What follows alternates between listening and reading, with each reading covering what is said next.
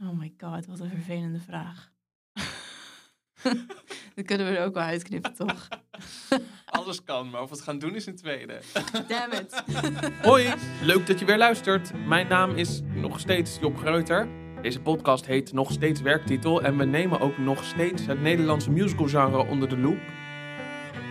Hmm, het is eigenlijk best wel saai als dingen altijd hetzelfde blijven. Misschien zouden we eens wat dingen moeten vernieuwen? hey, dat is best een interessant gespreksonderwerp.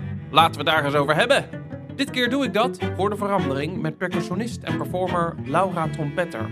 Ik spreek met haar over de onbenoembare dingen, over hoe je daarmee werkt en de grote hamvraag: hoe verkoop je iets waarvan je eigenlijk niet weet wat het is?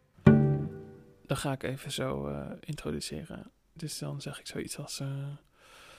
Welkom bij Werktitel, de podcast waarin we onder andere gaan proberen om hokjes open te breken en ja, met wie beter dat te doen dan Laura Trompetter. Fijn dat je er bent. Ik heb even ter voorbereiding, dat zei ik net al tegen je, um, een soort opsomming gemaakt van wat jij allemaal al hebt gedaan. Mm -hmm. Dus we beginnen bij het kopje prijzen, die je ook al tijdens je studietijd won. Onder andere van Prinses Christina Concours, van de Eurovision Young Musician, van Prix du Port, het Grachtenfestival Conservatorium Concours, Grote Kamermuziekprijs en ook een nominatie bij de Benelux Pop Percussionists Top 10. Zeg ik dat goed? Ja, ja. O ongeveer, kom ja. maar weg. Je speelde onder andere bij uh, het Radio Philharmonisch, Nederlands Blazersensemble Balletorkest Asko Schoenberg. Je speelde op supergrote podia, concertpodia in heel Nederland. Je was op tv bij onder andere Maestro, Podium Witteman, De Wereld Draait Door, Koffietijd, Tijd voor Max en Klokhuis. En in het theater was je onder andere bij toneelgroep De Appel, Hotel Modern, bij Ish Dance Collective, Herman van Veen, Toppers in Concert, Thomas Acta. Uh, Zo'n eigenlijk een beetje echt alles. Ja. Dus uh, dans, cabaret, kleinkunst, grote klassieke Ja. muziek, maar ook popmuziek. Uh, je hebt ook je eigen collectief. Ja, Ja. ja. Dus de vraag die ik eigenlijk had toen ik dit allemaal las, is: wat doet deze vrouw nog in Nederland? wat doe Dat- jij hier? Hoe bedoel je? Dat ik naar het buitenland moet? Ja. Of, oh ja, wat Ben je in. Nederland niet al lang ontgroeid? Nou, dat is heel grappig dat je dat eigenlijk zegt. Want ik ben nu eigenlijk voor het eerst een beetje aan het kijken of ik dat ook echt wil gaan doen. Ook omdat mijn vriend in het buitenland woont. Maar dat vind ik wel toevallig dat je dat nu zegt. Maar ja, ik, eigenlijk zie ik nu pas dat ik eigenlijk best wel veel gedaan heb. Het klinkt best wel stom om te zeggen eigenlijk. Maar, maar het is wel ook gewoon zo in, in vlagen gegaan. Dus vroeger, toen ik net studeerde aan het conservatorium, wilde ik heel graag orkestslagwerker worden. Dus speelde ik ook wat meer met orkesten mee en, en, en meer klassieke muziekensembles. Mhm. En dat is zo een beetje overgegaan naar ja, de wat meer popachtige dingen. En dat is ook weer een beetje zo overgegaan naar de theater, muziektheater dingen, wat ik nu eigenlijk het meeste doe. Dus het is niet zo dat ik het nu allemaal nog steeds overal doe. Wel nog een beetje. Ja. Maar eh, ik denk, ik, ik ga me wel nu echt meer richting muziektheater. Dus ik laat het allemaal een beetje zo. Ik vond het heel grappig ook wat je net zei over hoe je dus bent bewogen eigenlijk van klassieke muziek. Want je bent Ja. van oorsprong percussioniste, geloof ik, hè? Ja, dus ik deed echt klassiek slagwerk. Alles wat achter zo'n orkest staat. Ja. Juist. En voor de zekerheid, wat is dan het verschil tussen percussie en drum? Ehm, ja, ik zie het altijd in drie dingen. Dus je hebt klassiek slagwerk, dat heb ik dus gestudeerd. En dat is dus alles achter zo'n orkest. Ja. Dan heb je eh, ja, per- percussie. Eh, en dan heb je ook nog Latin percussion, pop percussion. Maar meestal is dat wel een beetje hetzelfde. En dat, Mhm. dat is dan meer conga's, bongo's. eh, meer met, met de hand, zeg maar. Ja. En ook wel wereldmuziek. Mhm. Dan heb je nog drums. En die heeft ook weer allemaal verschillende. Dus je hebt rock, je hebt pop, je hebt Latin, je hebt fusion, jazz, En jouw opleiding was klassiek slagwerk. klassiek Ja, slagwerk. we kregen allemaal wel een klein beetje percussie en een beetje drumles. Maar Mhm. het was wel echt op klassieke muziek gericht. Dus echt klassiek slagwerk. Juist. Kleine trom, triangel, eh, weet Oh je ja. wel, dat soort dingen. En hoe is het dan gekomen dat je zo gaandeweg naar wat je zegt, pop bent Ja. gegaan en van pop weer naar theater en dat je nu in het muziektheaterveld zit? Hoe is dat een natuurlijke route? Nee. Nou ja, op zich, ik denk, er zijn best wel veel klassiek slagwerkers die die, die combinatie doen met theater, moet ik zeggen, als ik nu, als ik nu nadenk. En ja, de reden daarvoor. Ik hoor mensen altijd zeggen dat het al best wel theatraal is wat je doet, want je beweegt veel. Als je bijvoorbeeld achter zo'n marimba staat, zo'n grote, zo'n grote xylofoon, dan Ja. ben je heel erg al aan het bewegen. Ja. En het is eigenlijk al best wel theatraal om naar te kijken dan Ja. iemand die gewoon heel mooi saxofoon speelt of heel mooi viool speelt, maar die blijft wel meestal op zijn plek. Ja. En wij zijn dan al iets al meer aan het bewegen en met ons lichaam bezig of zo. Misschien is dat het ook. Mhm. Of het een normale route is die ik heb gelopen. Nou, Mm, Kijk, ik vind het grappig. Ik heb zelf ook natuurlijk klassieke muziek gestudeerd aan het conservatorium, aan hetzelfde conservatorium als jij. En, maar dan voor cello. En daarin merkte ik dat eigenlijk de stap naar theatralisering een hele grote was. Die niet veel mensen trok. mhm. En ik vind het zo grappig, is dat dan zo anders bij klassiek slagwerk? Mm, Ja, misschien ligt het ook wel aan Codart zelf. Want daar, eh, als ik het vergelijk met andere opleidingen, of slag, klassieke slagwerkopleidingen in Nederland, is Codarts wel echt de opleiding, vond ik, en volgens mij nog steeds wel, die heel veel eh, aan kan bieden. Dus als jij wat meer wil richten op percussie of, of Latin percussion, dan kan je ook wat meer lessen in, daarin krijgen. Of als je wat meer wilt drummen, dan kan dat ook. Mhm. Dus je krijgt sowieso al die lessen erbij. Volgens mij is dat ook wel bij andere conservatoria hoor. Maar, ehm, en plus, we hebben ook best wel wat gastdocenten onder René Spierings van Percossa. En, en Percossa is gewoon een, een, een super vette slagwerkgroep Ja, waar ik al heel mijn leven gek, ja. in zou willen spelen. Ja, ja. ik denk ook dat de meeste studenten gaan dan natuurlijk ook wel kijken naar wat zij dan doen. En ja, ik was al meteen, ik weet niet wanneer dat was, was, was ik 15 of zo toen ik dat voor het eerst zag. Maar dat was meteen helemaal verkocht. Ik dacht, wow, dit is zo vet, dit wil ik zo graag doen. En wat trok je daaraan dan? Wat... Ja, ik weet niet, gewoon ook, misschien vind ik, ja, ik, ik durf dat nog steeds niet hoor, maar misschien vind ik stiekem acteren ook gewoon best wel leuk.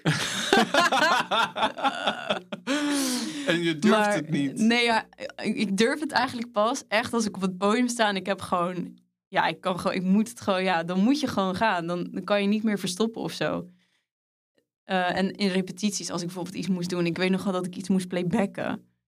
Ik moest, was dat nou? Ja, een heel sensueel nummer. Je t'aime. Weet je wel, je t'aime, oui, Oh, je ja.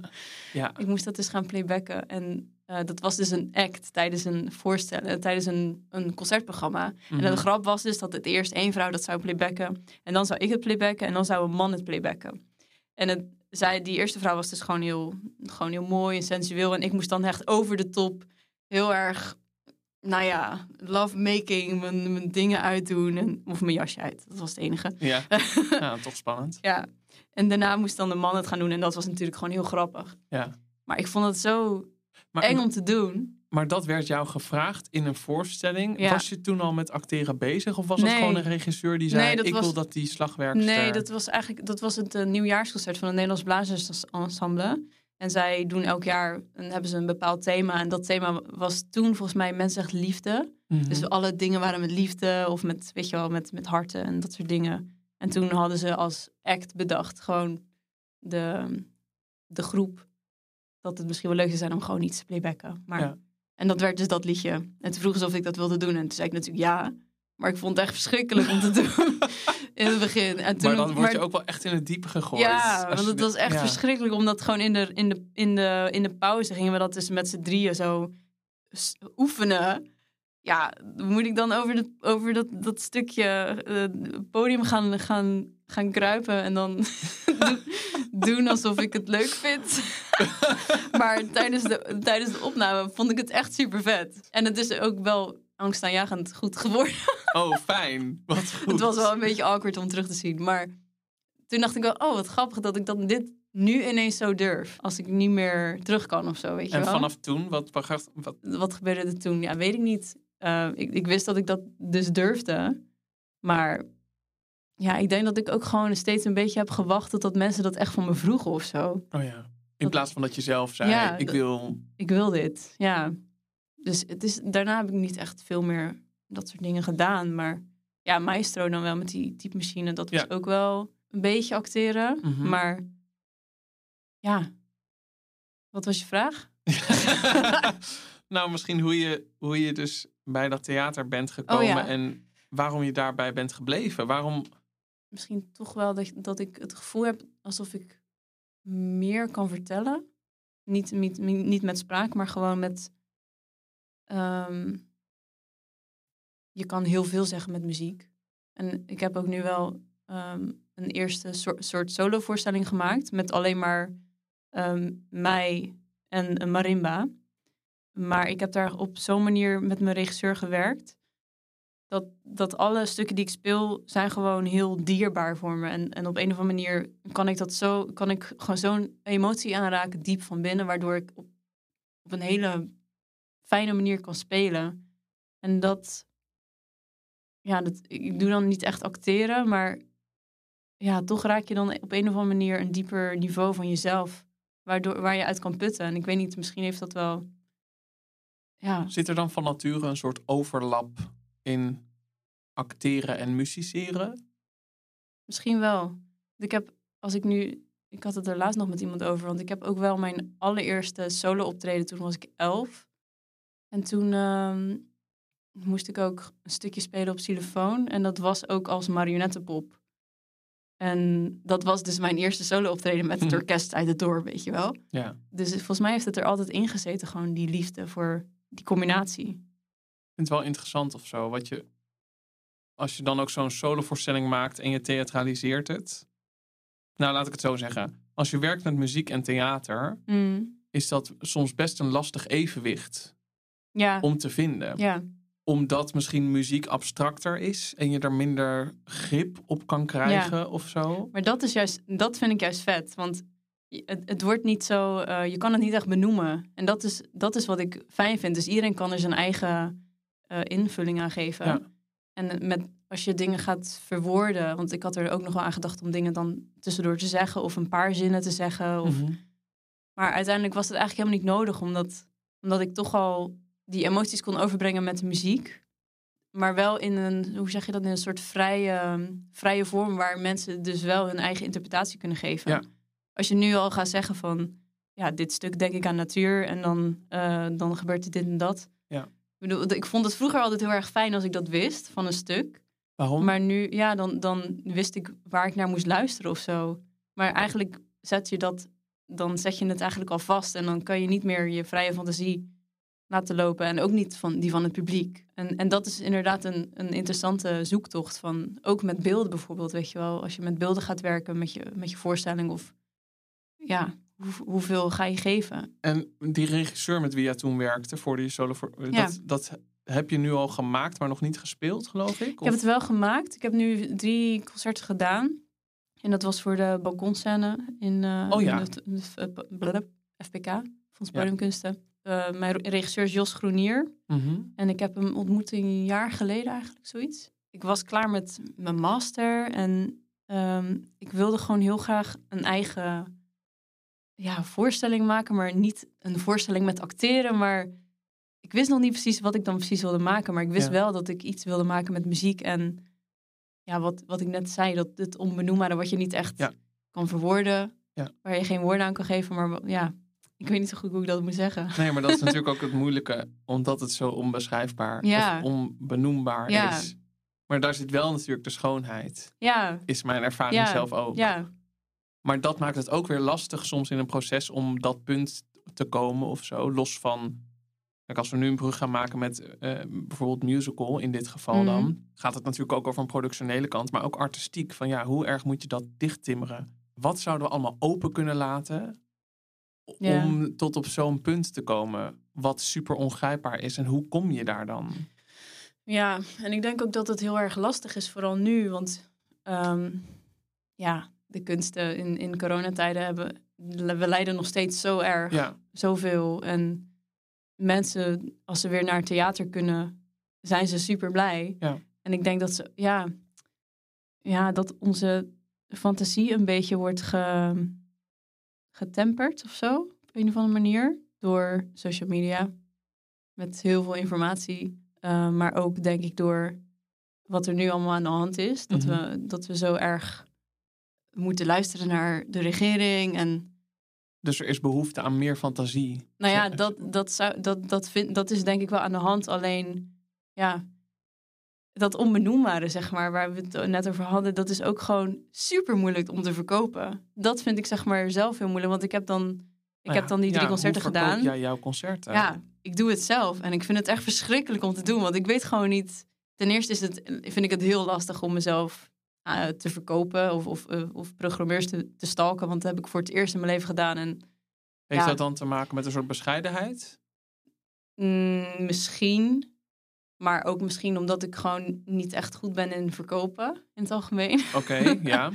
Ehm, maar, maar los van daarvan, het is gewoon denk ik moeilijk om iets te verkopen als je nog niet echt heel goed kan zeggen wat het precies is Ja. aan het publiek. Want het publiek wil nu gewoon weten, oké, waar ga ik naartoe? Wat krijg ik? En Ja. ik wil gewoon een leuke avond. Ik wil niet Ja. risico lopen dat ik eindelijk in mijn avondje uit het misschien niet leuk vind. ja. Oké, maar nu ben ik wel benieuwd. Maak nu even één minuut reclame, je elevator pitch voor je voorstelling, waarin je dat erover zegt wat je erover wil zeggen en dat dan hopelijk alle luisteraars naar je voorstelling gaan komen. Oh gosh. Deze had ik natuurlijk aan moeten voelen komen. Ehm, Ik ben zo benieuwd wat er nu gaat komen. Oh my god, wat een vervelende vraag. Dat kunnen we er ook wel uitknippen, toch? Alles kan, maar of we het gaan doen is een tweede. Damn it. ja, jeetje. Oh, ik, ik heb er heel veel over geschreven, maar ik vond gewoon nog... Misschien ben ik ook gewoon te... Of misschien heb ik gewoon nog niet gevonden wat ik... Waarvan ik denk dat ik het goed kan uitleggen, weet je Maar ik wel? hoor je wel zeggen, het is jij en de marimba. Ja, Je speelt muziek die je super nauw aan het hart ja, ligt. ja. Ik vind het ook fascinerend eigenlijk. Dat, het, dat, je het, dat je het zelfs op dit punt nog heel lastig vindt om je voorstelling te omschrijven. Ja, ja, maar dat, dat is ook gewoon eigenlijk wel grappig. Want ik ben er al een jaar. Nou ja, ik ben dan met twee verschillende dingen bezig. Met, met mijn stichting wil ik een andere voorstelling gaan maken. Maar deze concertvoorstelling, als we het zo maar noemen, Ja, heb ik nu drie keer gespeeld. En drie keer voor totaal verschillend publiek van allerlei achtergronden en culturen. En die waren allemaal heel erg eh, geraakt door de muziek. Maar waarom dan? Ja. ja. Ja, misschien komt het toch omdat ik het dan put uit die bron van die emoties die ik dan met die, met die stukken verbind. Of Dat klinkt eigenlijk, vind ik wat je zegt, kan je één op één plakken op een actrice. Ja. Dat verbinding aangaat met een stuk en Ja, dat dat de precies. emoties. dat, het gewoon, dat je gewoon één wordt met je- elk stuk wat je Ja. verwoor, ver, ver- uitvoert. Ja. Maar is dat dan anders wat andere mensen doen? Denk je dan? Of eh, is dan je vraag Hoe waarschijnlijk? bedoel je? Is het anders dan. Zeg maar, wat maakt dat dan bijzonder dan wat ik dan doet? doe? Nou of, ja, of een violist of verbinding een... is natuurlijk anders. ja. En het feit dat je natuurlijk met een ander instrument zit. Ik denk sterker nog, als jij precies jouw solovoorstelling door een andere percussionist te laten wordt het heel anders. Ja. wordt het sowieso Ja. heel anders. Want dat is natuurlijk, denk ik, de kracht van zo'n persoonlijke verbinding. ja. Van de kleur die jij meegeeft. Maar misschien, natuurlijk ben, ben ik ook veel met techniek bezig, maar wat ik soms een beetje gemist heb, is die verbinding met het stuk. En wat voel je dan precies en wat wil je dan precies vertellen? Dat heb ik wel eh, eigenlijk nu pas ontdekt. Van hoe, hoe kan ik dan dat In het het beste doen? Ja, je? Oh ja. ja. Ja, eigenlijk wel. Ik ben eigenlijk nog wel benieuwd, eh, toch een paar stappen terug. Die regisseur die je noemde, Mm. met wie jij gewerkt hebt. Had hij al vaker eh, gewerkt met klassieke muziek of met klassieke muzici? Ja.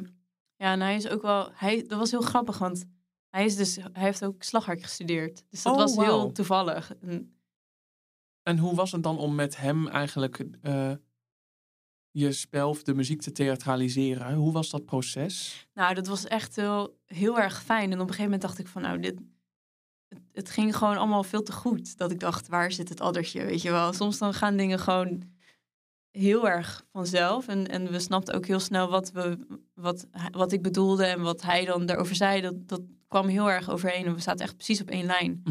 Wat we allebei zouden willen doen qua, qua muziek en, en, en theater omdat hij precies snapte wat ik bedoelde. En hij snapte ook precies wat ik eigenlijk wilde gaan maken. Ja. En, en hij heeft me ook gewoon heel erg die verbinding met mezelf, maar ook dus met de muziek laten, laten onderzoeken. Ja. En dat was echt super vet. Fijn. Ja, heel fijn. En heb je ook wel eens ge- gewerkt met een regisseur die niet zoveel ervaring met muziek Ja, had? ja. En hoe is het om dan met zo iemand te werken? Of laat ik zo zeggen, op welke manier is het anders? Ehm, ja, ik zit nou te denken, dan word je toch snel een beetje een soort achtergrond. Maar misschien is het ook wel juist, kan het ook juist heel goed met iemand die niet per se heel veel ervaring heeft. Als hij Zeker. maar die verbinding kan maken met jij als persoon en wat je wil gaan. Nee, zeker. Ik ben, ik ben juist eigenlijk heel benieuwd wat, dat, eh, wat, er, wat er juist te winnen is in eh, ja, het contact tussen verschillende mensen met verschillende expertise of zo. Ja. Of van, vanuit verschillende oogpunten of vanuit Ja. verschillende achtergronden. Ja, je, ja, je hebt ook gewoon momenten dat het niet werkt natuurlijk. En dat je niet op dezelfde lijn zit. En dan is het gewoon moeilijker natuurlijk. Waar ligt dat dan aan als dat niet overlapt? Ehm, ja, smaak kan altijd verschillen. Maar ik denk dat je als je nog steeds zoekt naar dezelfde diepgang, dan zou je allebei de smaken kunnen proberen en kunnen kijken welke het beste werkt natuurlijk. Ja. Maar misschien zit er soms ook gewoon een beetje ego tussen of weet ik veel. Ja, Oh, ik- ja. Ik nam vroeger ook niet alles van iedereen aan. Oh nee, juist wel. nee, dat denk ik Inmiddels juist niet wel. meer. Inmiddels niet meer zo. nee, ik was vroeger echt wel dat ik dacht, oh, die zegt dit, oh, dan is het zo. En nu heb ik dat niet meer zo. Dus dat is wel echt heel fijn. Ja? Ja, ja ik, op, op, op, op Codarts was ik gewoon... Als de docent dan dit zei, dan dacht ik, oké, zo is het. Ja. Eigenlijk zie ik nu pas in dat iedereen... Het is niet zo dat iedereen maar wat doet, maar eigenlijk wel. Ik bedoel, Tuurlijk. Wij doen ook maar gewoon Ah, dit Wij doen gesprekje. helemaal maar wat We hier. doen ook maar wat. Nee, maar dat is het ook. Want het gaat natuurlijk allemaal over smaak. En dat vind ik soms ook, dat is heel mooi, maar dat is soms ook heel frustrerend of zo. Omdat het, omdat je zo graag gewoon ergens een waarheid zou hebben. Ja, Van zo moeten we het aanpakken. Of zo moeten we het doen. Of Ja. oh, ik, we moeten dit nu tegen elkaar zeggen. En dan hebben ze. ja, was het maar zo makkelijk. Was het maar zo makkelijk. Wat misschien is dat juist ook goed. ook. Maar misschien is dat ook juist goed, want dan kan je dus die magie laten, Dat is laten waar. komen. Ja, En nee, dat, is het dus. ook. Ik bedoel, als je alleen maar van die vet goede voorstellingen hebt de hele tijd, dat is ook vermoeiend. Ja, maar het zou wel fantastisch zijn. Ja, maar Gewoon even. Ja, misschien even ja, dat- even voor, een, voor een gewoon- maand of zo. Maar daarna wil je toch ook eigenlijk weer gewoon iets heel slechts zien om te zien van, oh ja, maar dit, dit is gewoon kut, maar dit is gewoon heel vet. Ja, dat is waar. Daar heb je ook wel gelijk in, maar ik vind het toch stom. Hey, en je hebt eh, een tijd geleden ook hier bij Musicalmakers gewerkt Ja. met Naomi van der Ja. Linden. Ja. Daar heb je met haar muziek geschreven voor haar voorstelling, geloof ik, hè?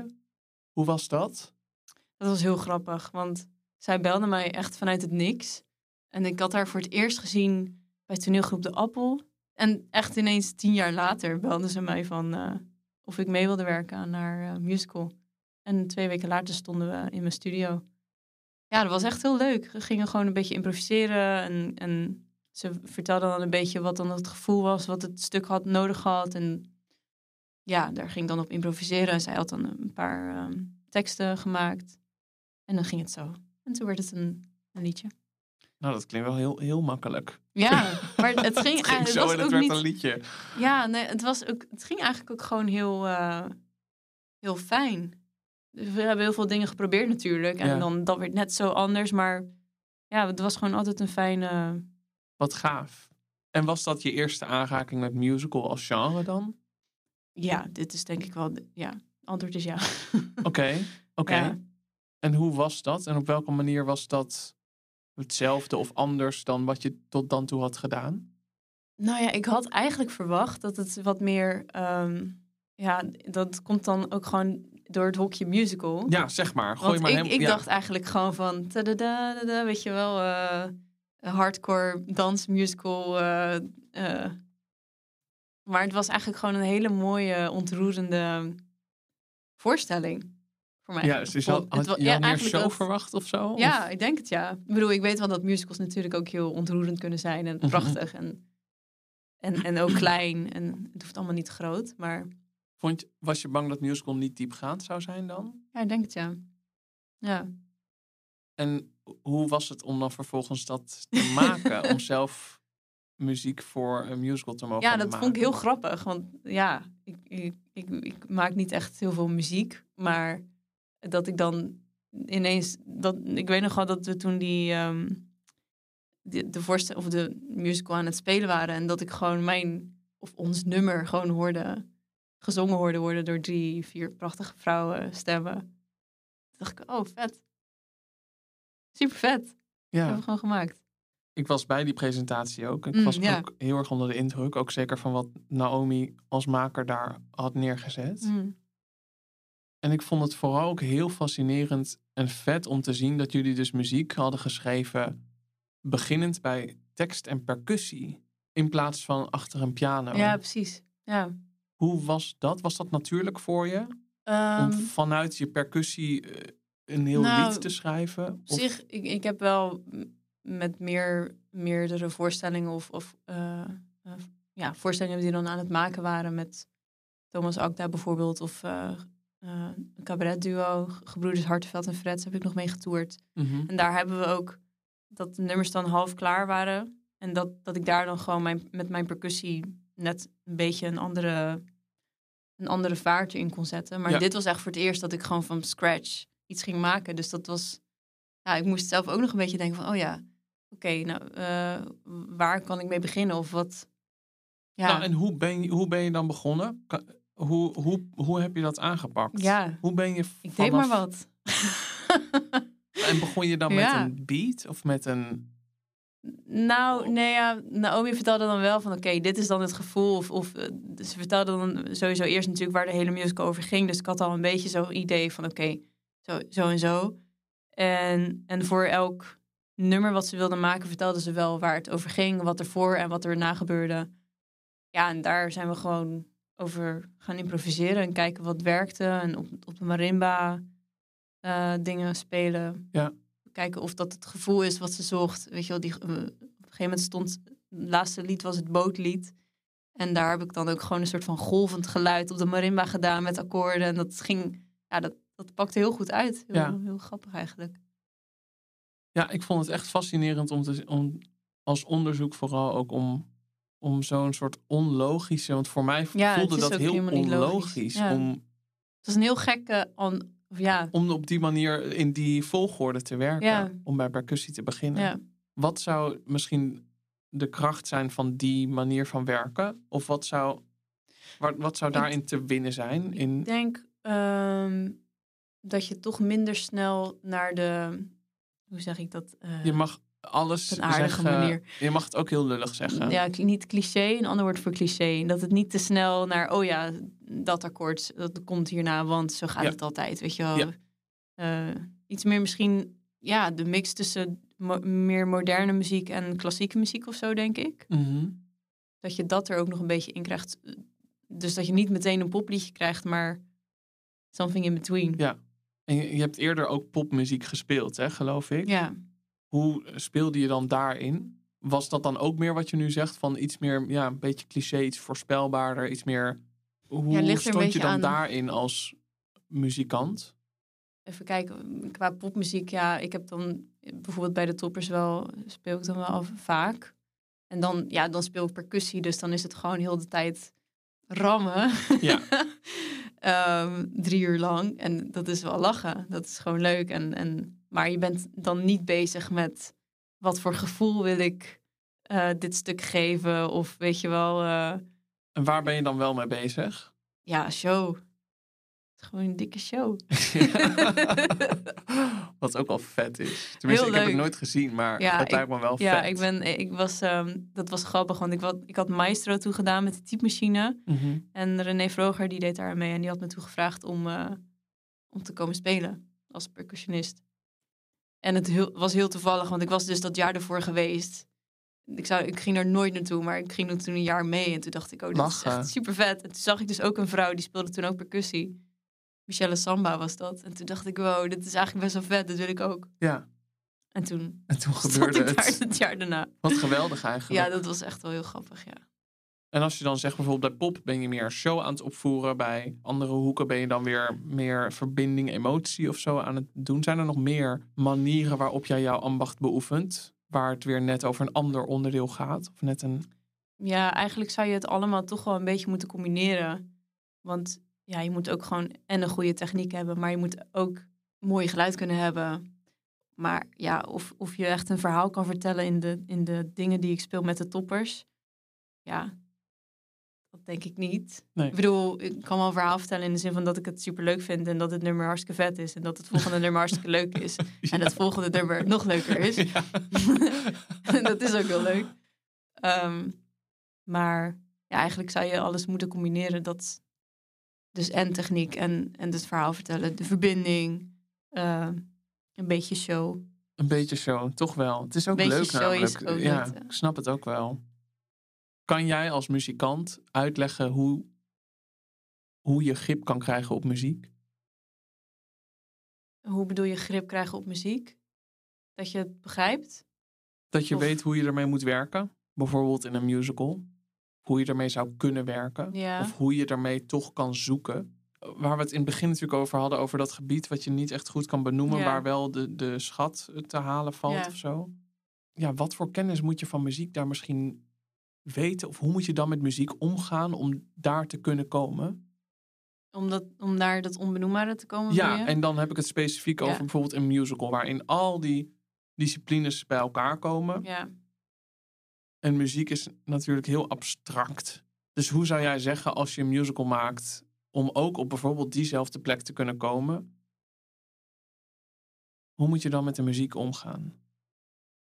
Ja, dan ga, je, dan ga ik nu eigenlijk gewoon trucjes verzinnen waarvan ik denk dat het. Dat, dat het Maar gaat- bijvoorbeeld, wat, Nou ja, ik denk dat je gewoon vooral niet moet doen wa- wat je al verwacht. Het gaat gebeuren. Weet je wel, meestal in films, alle Hollywood-films, je weet al, als je het begin, de eerste vijf minuten, weet je al hoe het gaat eindigen. Mhm. En dat is gewoon ook een beetje, ja, geestdodend. Want je wordt niet meer getriggerd om, om te gaan denken van, oh, wat, wat zal er gebeuren? Of, want je weet het al. Je wordt helemaal niet meer ge- getriggerd om, Ja. om je fantasie te gebruiken. Of, Ja.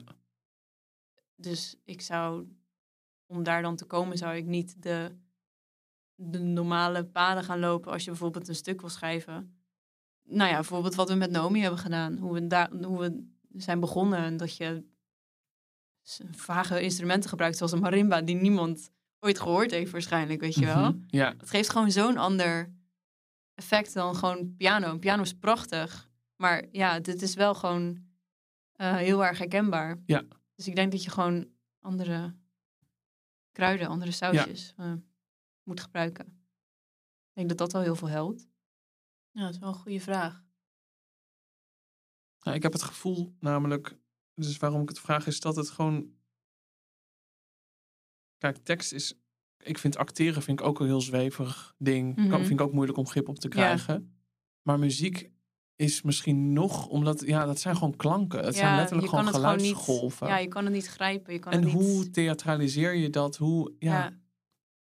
hoe leg je dat uit aan, eh, ja... Ik, ik dacht, misschien heb jij echt een gouden graal van... wat Nou, moeten we... Heb, ja, ik heb ook precies dezelfde. Ik, ik, ik stel mezelf dezelfde vraag heel vaak afgelopen tijd. Van hoe, want ik moet het gewoon kunnen uitleggen op een gegeven moment, weet je wel. Als ik mijn voorstelling wil verkopen. Komen we toch weer bij het verkopen uit. ja, ik moet er echt iemand voor gaan inhuren.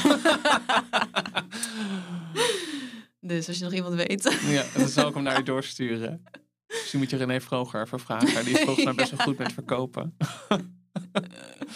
nee, maar ik snap het wel. Dat is Ja. natuurlijk ergens ook een hele interessante paradox. Hmm, Toch? Dat Ja. het verkopen blijkbaar zo lastig is. En we hebben het eerder Ja. in deze podcast ook gehad over musical als zijnde veel commercieel gefinancierd. ja, Dus het moet verkocht worden, want er moeten mensen komen. En hoe dat dan soms ook in de weg kan staan van ja, een soort artistieke vrijheid. Of die abstractie die je misschien zou willen opzoeken. ja, dat is eigenlijk best het wel. voelt soms als twee dingen die zo eh, helemaal haaks tegen elkaar. Haaks op elkaar staan. Ja. ja, en dat is het eigenlijk ook. Want eigenlijk zou je daar helemaal niet mee bezig moeten zijn om het te verkopen. Ik bedoel, ja, je wil natuurlijk wel dat mensen komen naar je voorstelling, maar het voelt gewoon gek om, Ja. om, om een manier te vinden waardoor mensen dus getriggerd worden om naar jouw voorstelling te komen. En, eh, en je ziet het, nou ja, bijvoorbeeld dus de musicals, die moeten dus allerlei dingen gaan verzinnen, waardoor mensen Ja. dus gaan komen. Ja. Ja. Ja, ik ben gewoon geen goede verkoper. dat is gewoon. de bottom line van dit hele gesprek. Laura is geen goede verkoper. Ehm, En als we dan nu nog eventjes een heel gericht is over musical gaan hebben. Voor zoveel je er ervaring mee Ja. hebt of niet. Dat maakt eigenlijk voor mij eigenlijk niet zoveel uit. Want wat ik zeg, musical is voor mij in ieder geval iets waarin heel veel disciplines bijeenkomen. En dat doe jij in jouw ambacht. Misschien op een andere manier, maar doe je Mhm. ook. Ja, Je, te- ja, je, je acteert, ja. je muziceert, je beweegt. Je stelt jezelf in een ruimte. Je gebruikt dingen. Je Mhm. bent bezig een verhaal te vertellen met emotie, met welke discipline dan ook. Ik ben zo benieuwd wat jij als gouden tip voor vernieuwing zou kunnen meegeven. Of waarvan jij denkt, ja. dat zou, daar zou het musical genre in moeten zoeken. In kunnen zoeken. Mm. Ja, die vind ik echt heel moeilijk. Welke tip zou je jezelf geven als je nu terugblikt naar misschien... Ja, gewoon scheid hebben. Dat zou ik mezelf. Dat, eh, in- ik, ik had nog bedacht van: oké, wat zou ik mezelf vragen als ik in zo'n podcast zou zitten? En? en dan was dit een, sowieso een vraag die, ik- die, die ik mezelf zou stellen. Maar ja, gewoon wat meer scheid hebben met eh, wat andere mensen van jou denken. Want het houdt je gewoon tegen in je artistieke vrijheid. Tenminste, mij heeft het heel erg tegengehouden. En ik denk dat dat elke kunstenaar tegenhoudt. En gaat het dan om, wie, om hoe, wie je bent of wat je maakt? Of waar... Ja, beide denk ik wel. Ik bedoel, als jij, niet, als jij je niet geaccepteerd voelt om wie je bent of hoe je Mhm. bent, of, dan kan je daar natuurlijk wel heel veel uitputten om te gaan maken. Mhm. Maar als je dan ook nog beïnvloed wordt met hoe je dat dan moet gaan maken en hoe jij denkt dat, dat het zou moeten door de ogen van iemand anders, Ja. dan heb je helemaal geen, dan ben je eigenlijk helemaal niet vrij. Nee. Dan kan je nooit, zeg maar, die bron aanraken die diep van binnen, waar al je inspiratie zit. Dus gewoon scheid hebben. Gewoon scheid hebben. En een verkoper inhuren. En een verkoper inhuren. Groot stuk. Ik vind het wel mooi, hè? Op welke, op welke manieren kan je iets concreet noemen Ja, toen je echt scheid had? Wat je dan hebt gedaan en wat dat als resultaat had? Ik ben toch benieuwd namelijk wat dat... ja nou, dat was misschien... ehm, ik ging afstuderen voor mijn master. En ehm, wij hadden toen eh, met mijn duo, Lipstick Percussion, percussion Duo, gingen we dus met z'n tweeën afstuderen. En we wilden gewoon een afstudeervoorstelling maken. Dus we wilden niet gewoon een liedje spelen en nog een liedje spelen en dan klap, klap, klap, klaar. Mhm. We wilden er gewoon een voorstelling van maken. Op een of andere manier. Maar we hadden geen idee hoe. Het was de allereerste keer dat we zoiets deden. En toen hadden we ehm, Katrien van Beurden gevraagd om eh, ons te regisseren. Ja. En met haar was het ook gewoon een grote zoektocht van... oké, maar wat wil je dan precies vertellen? En nou ja, ga maar kijken wat je wil vertellen... en wat, wat voor momenten in je leven zou je willen, willen, willen vertellen. Wat, waar wil je het over hebben? Mhm. En dat was gewoon, dat was zo moeilijk om daar een, een duidelijk beeld van te krijgen van oké, maar wat wil ik? Dat was voor het eerst eigenlijk dat iemand aan mij vroeg van maar wat wil jij nou precies? En ehm, En wist je dat toen meteen? nee, nee. Ik denk dat ik dat nu pas een beetje weet. Oh ja? Maar dat, toen begon eigenlijk de zoektocht pas een beetje. Maar ja, en dus toen hebben we dus afgestudeerd, afgestudeerd met eh, een stuk waar we, waarin we zongen. Wat ei- eigenlijk normaal als je afstudeert als klassiek slagwerker is, dan speel je gewoon stukken die geschreven zijn voor slagwerk. Mis- Misschien zijn ze wel speciaal voor jou geschreven, dat kan ook. Of een arrangement of, of zoiets. Of... Maar wij hadden gewoon niet echt dat soort dingen gedaan. We hebben gewoon... Maria, die, die medespeelster van mij, heeft een stuk gearrangeerd van... eh, oh my god, hoe heet die band ook weer? Limp Bizkit? Limp Bizkit. Ehm, ja, en dat op een klassiek slagwerk, eh, dat is best wel raar.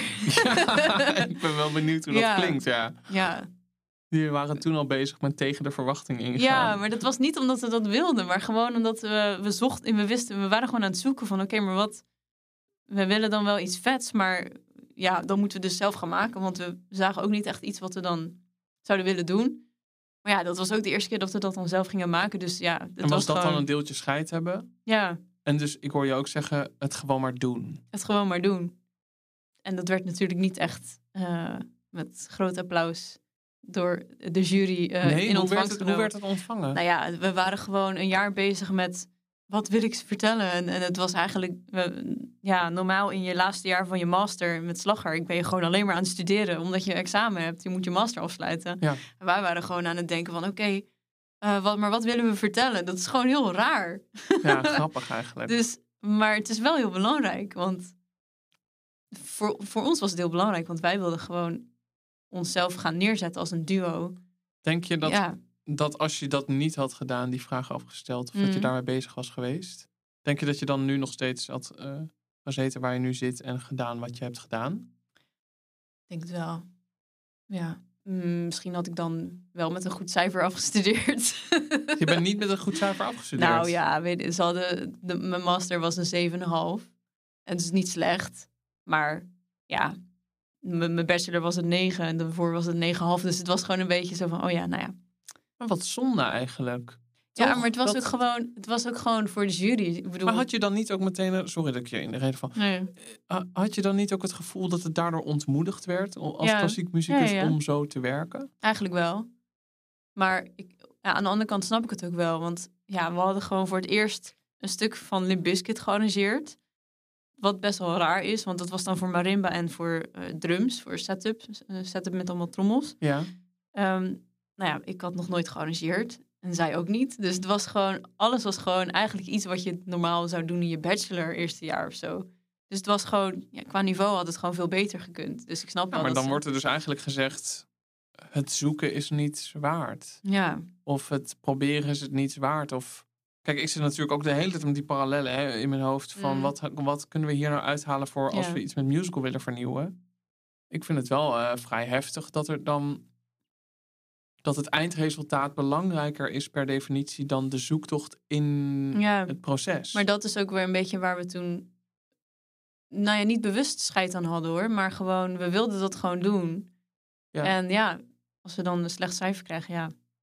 Ik heb nog nooit iemand, die, nog nooit iemand die vroeg om een cijfer van je afstuderen. Dus Nou ja, en laten we eerlijk zijn, tegenover Het al je ook andere cijfers valt het helemaal in het water. want jawel, die zijn maar- super hoog. ja, ik bedoel, tuurlijk wil je een, een goed cijfer, want het Ja. staat goed op je cv, maar Ja, ik snap het. niemand vraagt daarnaar. Maar wel heftig dat ze dat dus niet op die manier aanmoedigden. Of Ja. tenminste, ik vraag me af hoe, Maar hoe heb misschien jij komt dat het ook daarna... wel Misschien komt dat ook wel omdat we ze ook niet zo, onze docenten ook niet echt hebben meegenomen in die zoektocht. Want we waren eigenlijk alleen maar bezig met de regisseur, met, met Katrien, de hele tijd. Elke week hadden we wel een meeting en, en gingen we stukken zoeken. En dat was gewoon heel anders dan 45 minuten per week hoofdvakles Ja. op marimba of weet je wel.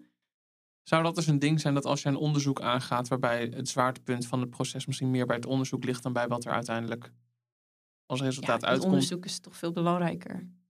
Jawel, maar ja, uiteindelijk maakt het voor een publiek. En Ja, ja, Ja. ik vind het wel interessant dat je zegt... we hadden ze mee moeten nemen. Is dat bijvoorbeeld ook iets wat bij musical... eh, dat je zegt... het is goed om mensen mee te nemen in een onderzoek... en daarmee komen ze eerder naar een voorstelling... of kunnen ze meer genieten van, wat er, van iets totaal anders... of iets totaal nieuws? Nou ja. Je hebt natuurlijk met toneelgroep De Appel hadden ze altijd dan zo'n ehm, zo'n avond speciaal voor alle don donateurs. Ja, sponsors en zo. sponsors. ja. En daar, dus ze gingen kijken naar de eerste, de eerste keer dat we allemaal samenkwamen. En dan kwamen ze kijken nog een maand later naar hoe het er toen voor stond. En dat is, dan, neem, dan moet je wel echt publiek hebben die van jou houdt. En die altijd naar je toe komt natuurlijk. Ja. Maar het is wel heel interessant, denk ik, als publiek zijnde om te zien wat, hoe iets zo doorgemaakt wordt. Ja. Maar ja, hoe ga je dat dan, hoe ga je dat verkopen? Ik bedoel, hoe ga je... Godsamme, dat verkopen toch elke keer? Ja, Ja. ik weet het niet, maar Terwijl ik ik, vind denk het wel... dat het heel interessant is, want dan... Want je ziet natuurlijk als publiek zijn er altijd een, een eindresultaat. Nou ja, en je hebt geen ja. idee hoeveel werk erachter zit natuurlijk. Nee, maar ook als dat nodig is om hokjes open te breken. Als jij zegt, die commissie had dat misschien meer gewaardeerd als we ze in het proces Ja, hadden meegenomen. Dan vind ik dat wel interessant. Dan denk ik wel, oh, misschien is dat dus ook iets waar vernieuwing in te vinden is. Nou ja, wat, nou, wat je zegt. Door mensen mee te nemen in het onderzoek. Door het publiek op een bepaalde manier al bij het onderzoek te betrekken of mee te nemen. Ja. Of nog voordat het eindproduct er is. ja het, het is wel een interessante interessant ding, zou ik, zou ik zeggen, voor het publiek. En dus verder scheid hebben en gewoon doen. Ja. ja, dat had ik zeker tegen mezelf gezegd. Vroeger. Lang geleden. Mooi. Eh, om af te ronden, denk ik. Je gaat je voorstelling, wanneer ga je die spelen? Ehm, nou ja, ik heb dus nu mijn solovoorstelling klaar. Dus die kan ik. Die, die heb ik dus nu drie keer gespeeld. Maar die wil ik nu eigenlijk nog in andere eh, concertzalen en theaterzalen gaan spelen. Dus daar ben ik nog mee bezig. Om die gewoon nog te verkopen. En verder doe ik dus nog met mijn stichting Energy Company. Zijn we bezig met fondsaanvragen voor een grotere voorstelling. En die zal dan ja, volgende herfst 22 eh, in première gaan. Spannend. En dat wordt ook muzikaal theatraal. Ja, dus dat, dat is eigenlijk een, ja, eh, een grotere versie van de solovoorstelling. En er zit ook nog een danseres bij. Gaaf. Ja. Eigenlijk een musical. Ja, eigenlijk wel. Ik, ik ga niet, nou, misschien ga ik wel zingen. Hey! Oh ja, volgens mij wel. Leuk. Mooi. Ja. De- nou Ja. ja, mocht je dit horen en mocht je denken, dat, daar wil ik bij zijn, dan kunnen ze misschien op je site kijken. Ja. lauratrompetter.com. Helder.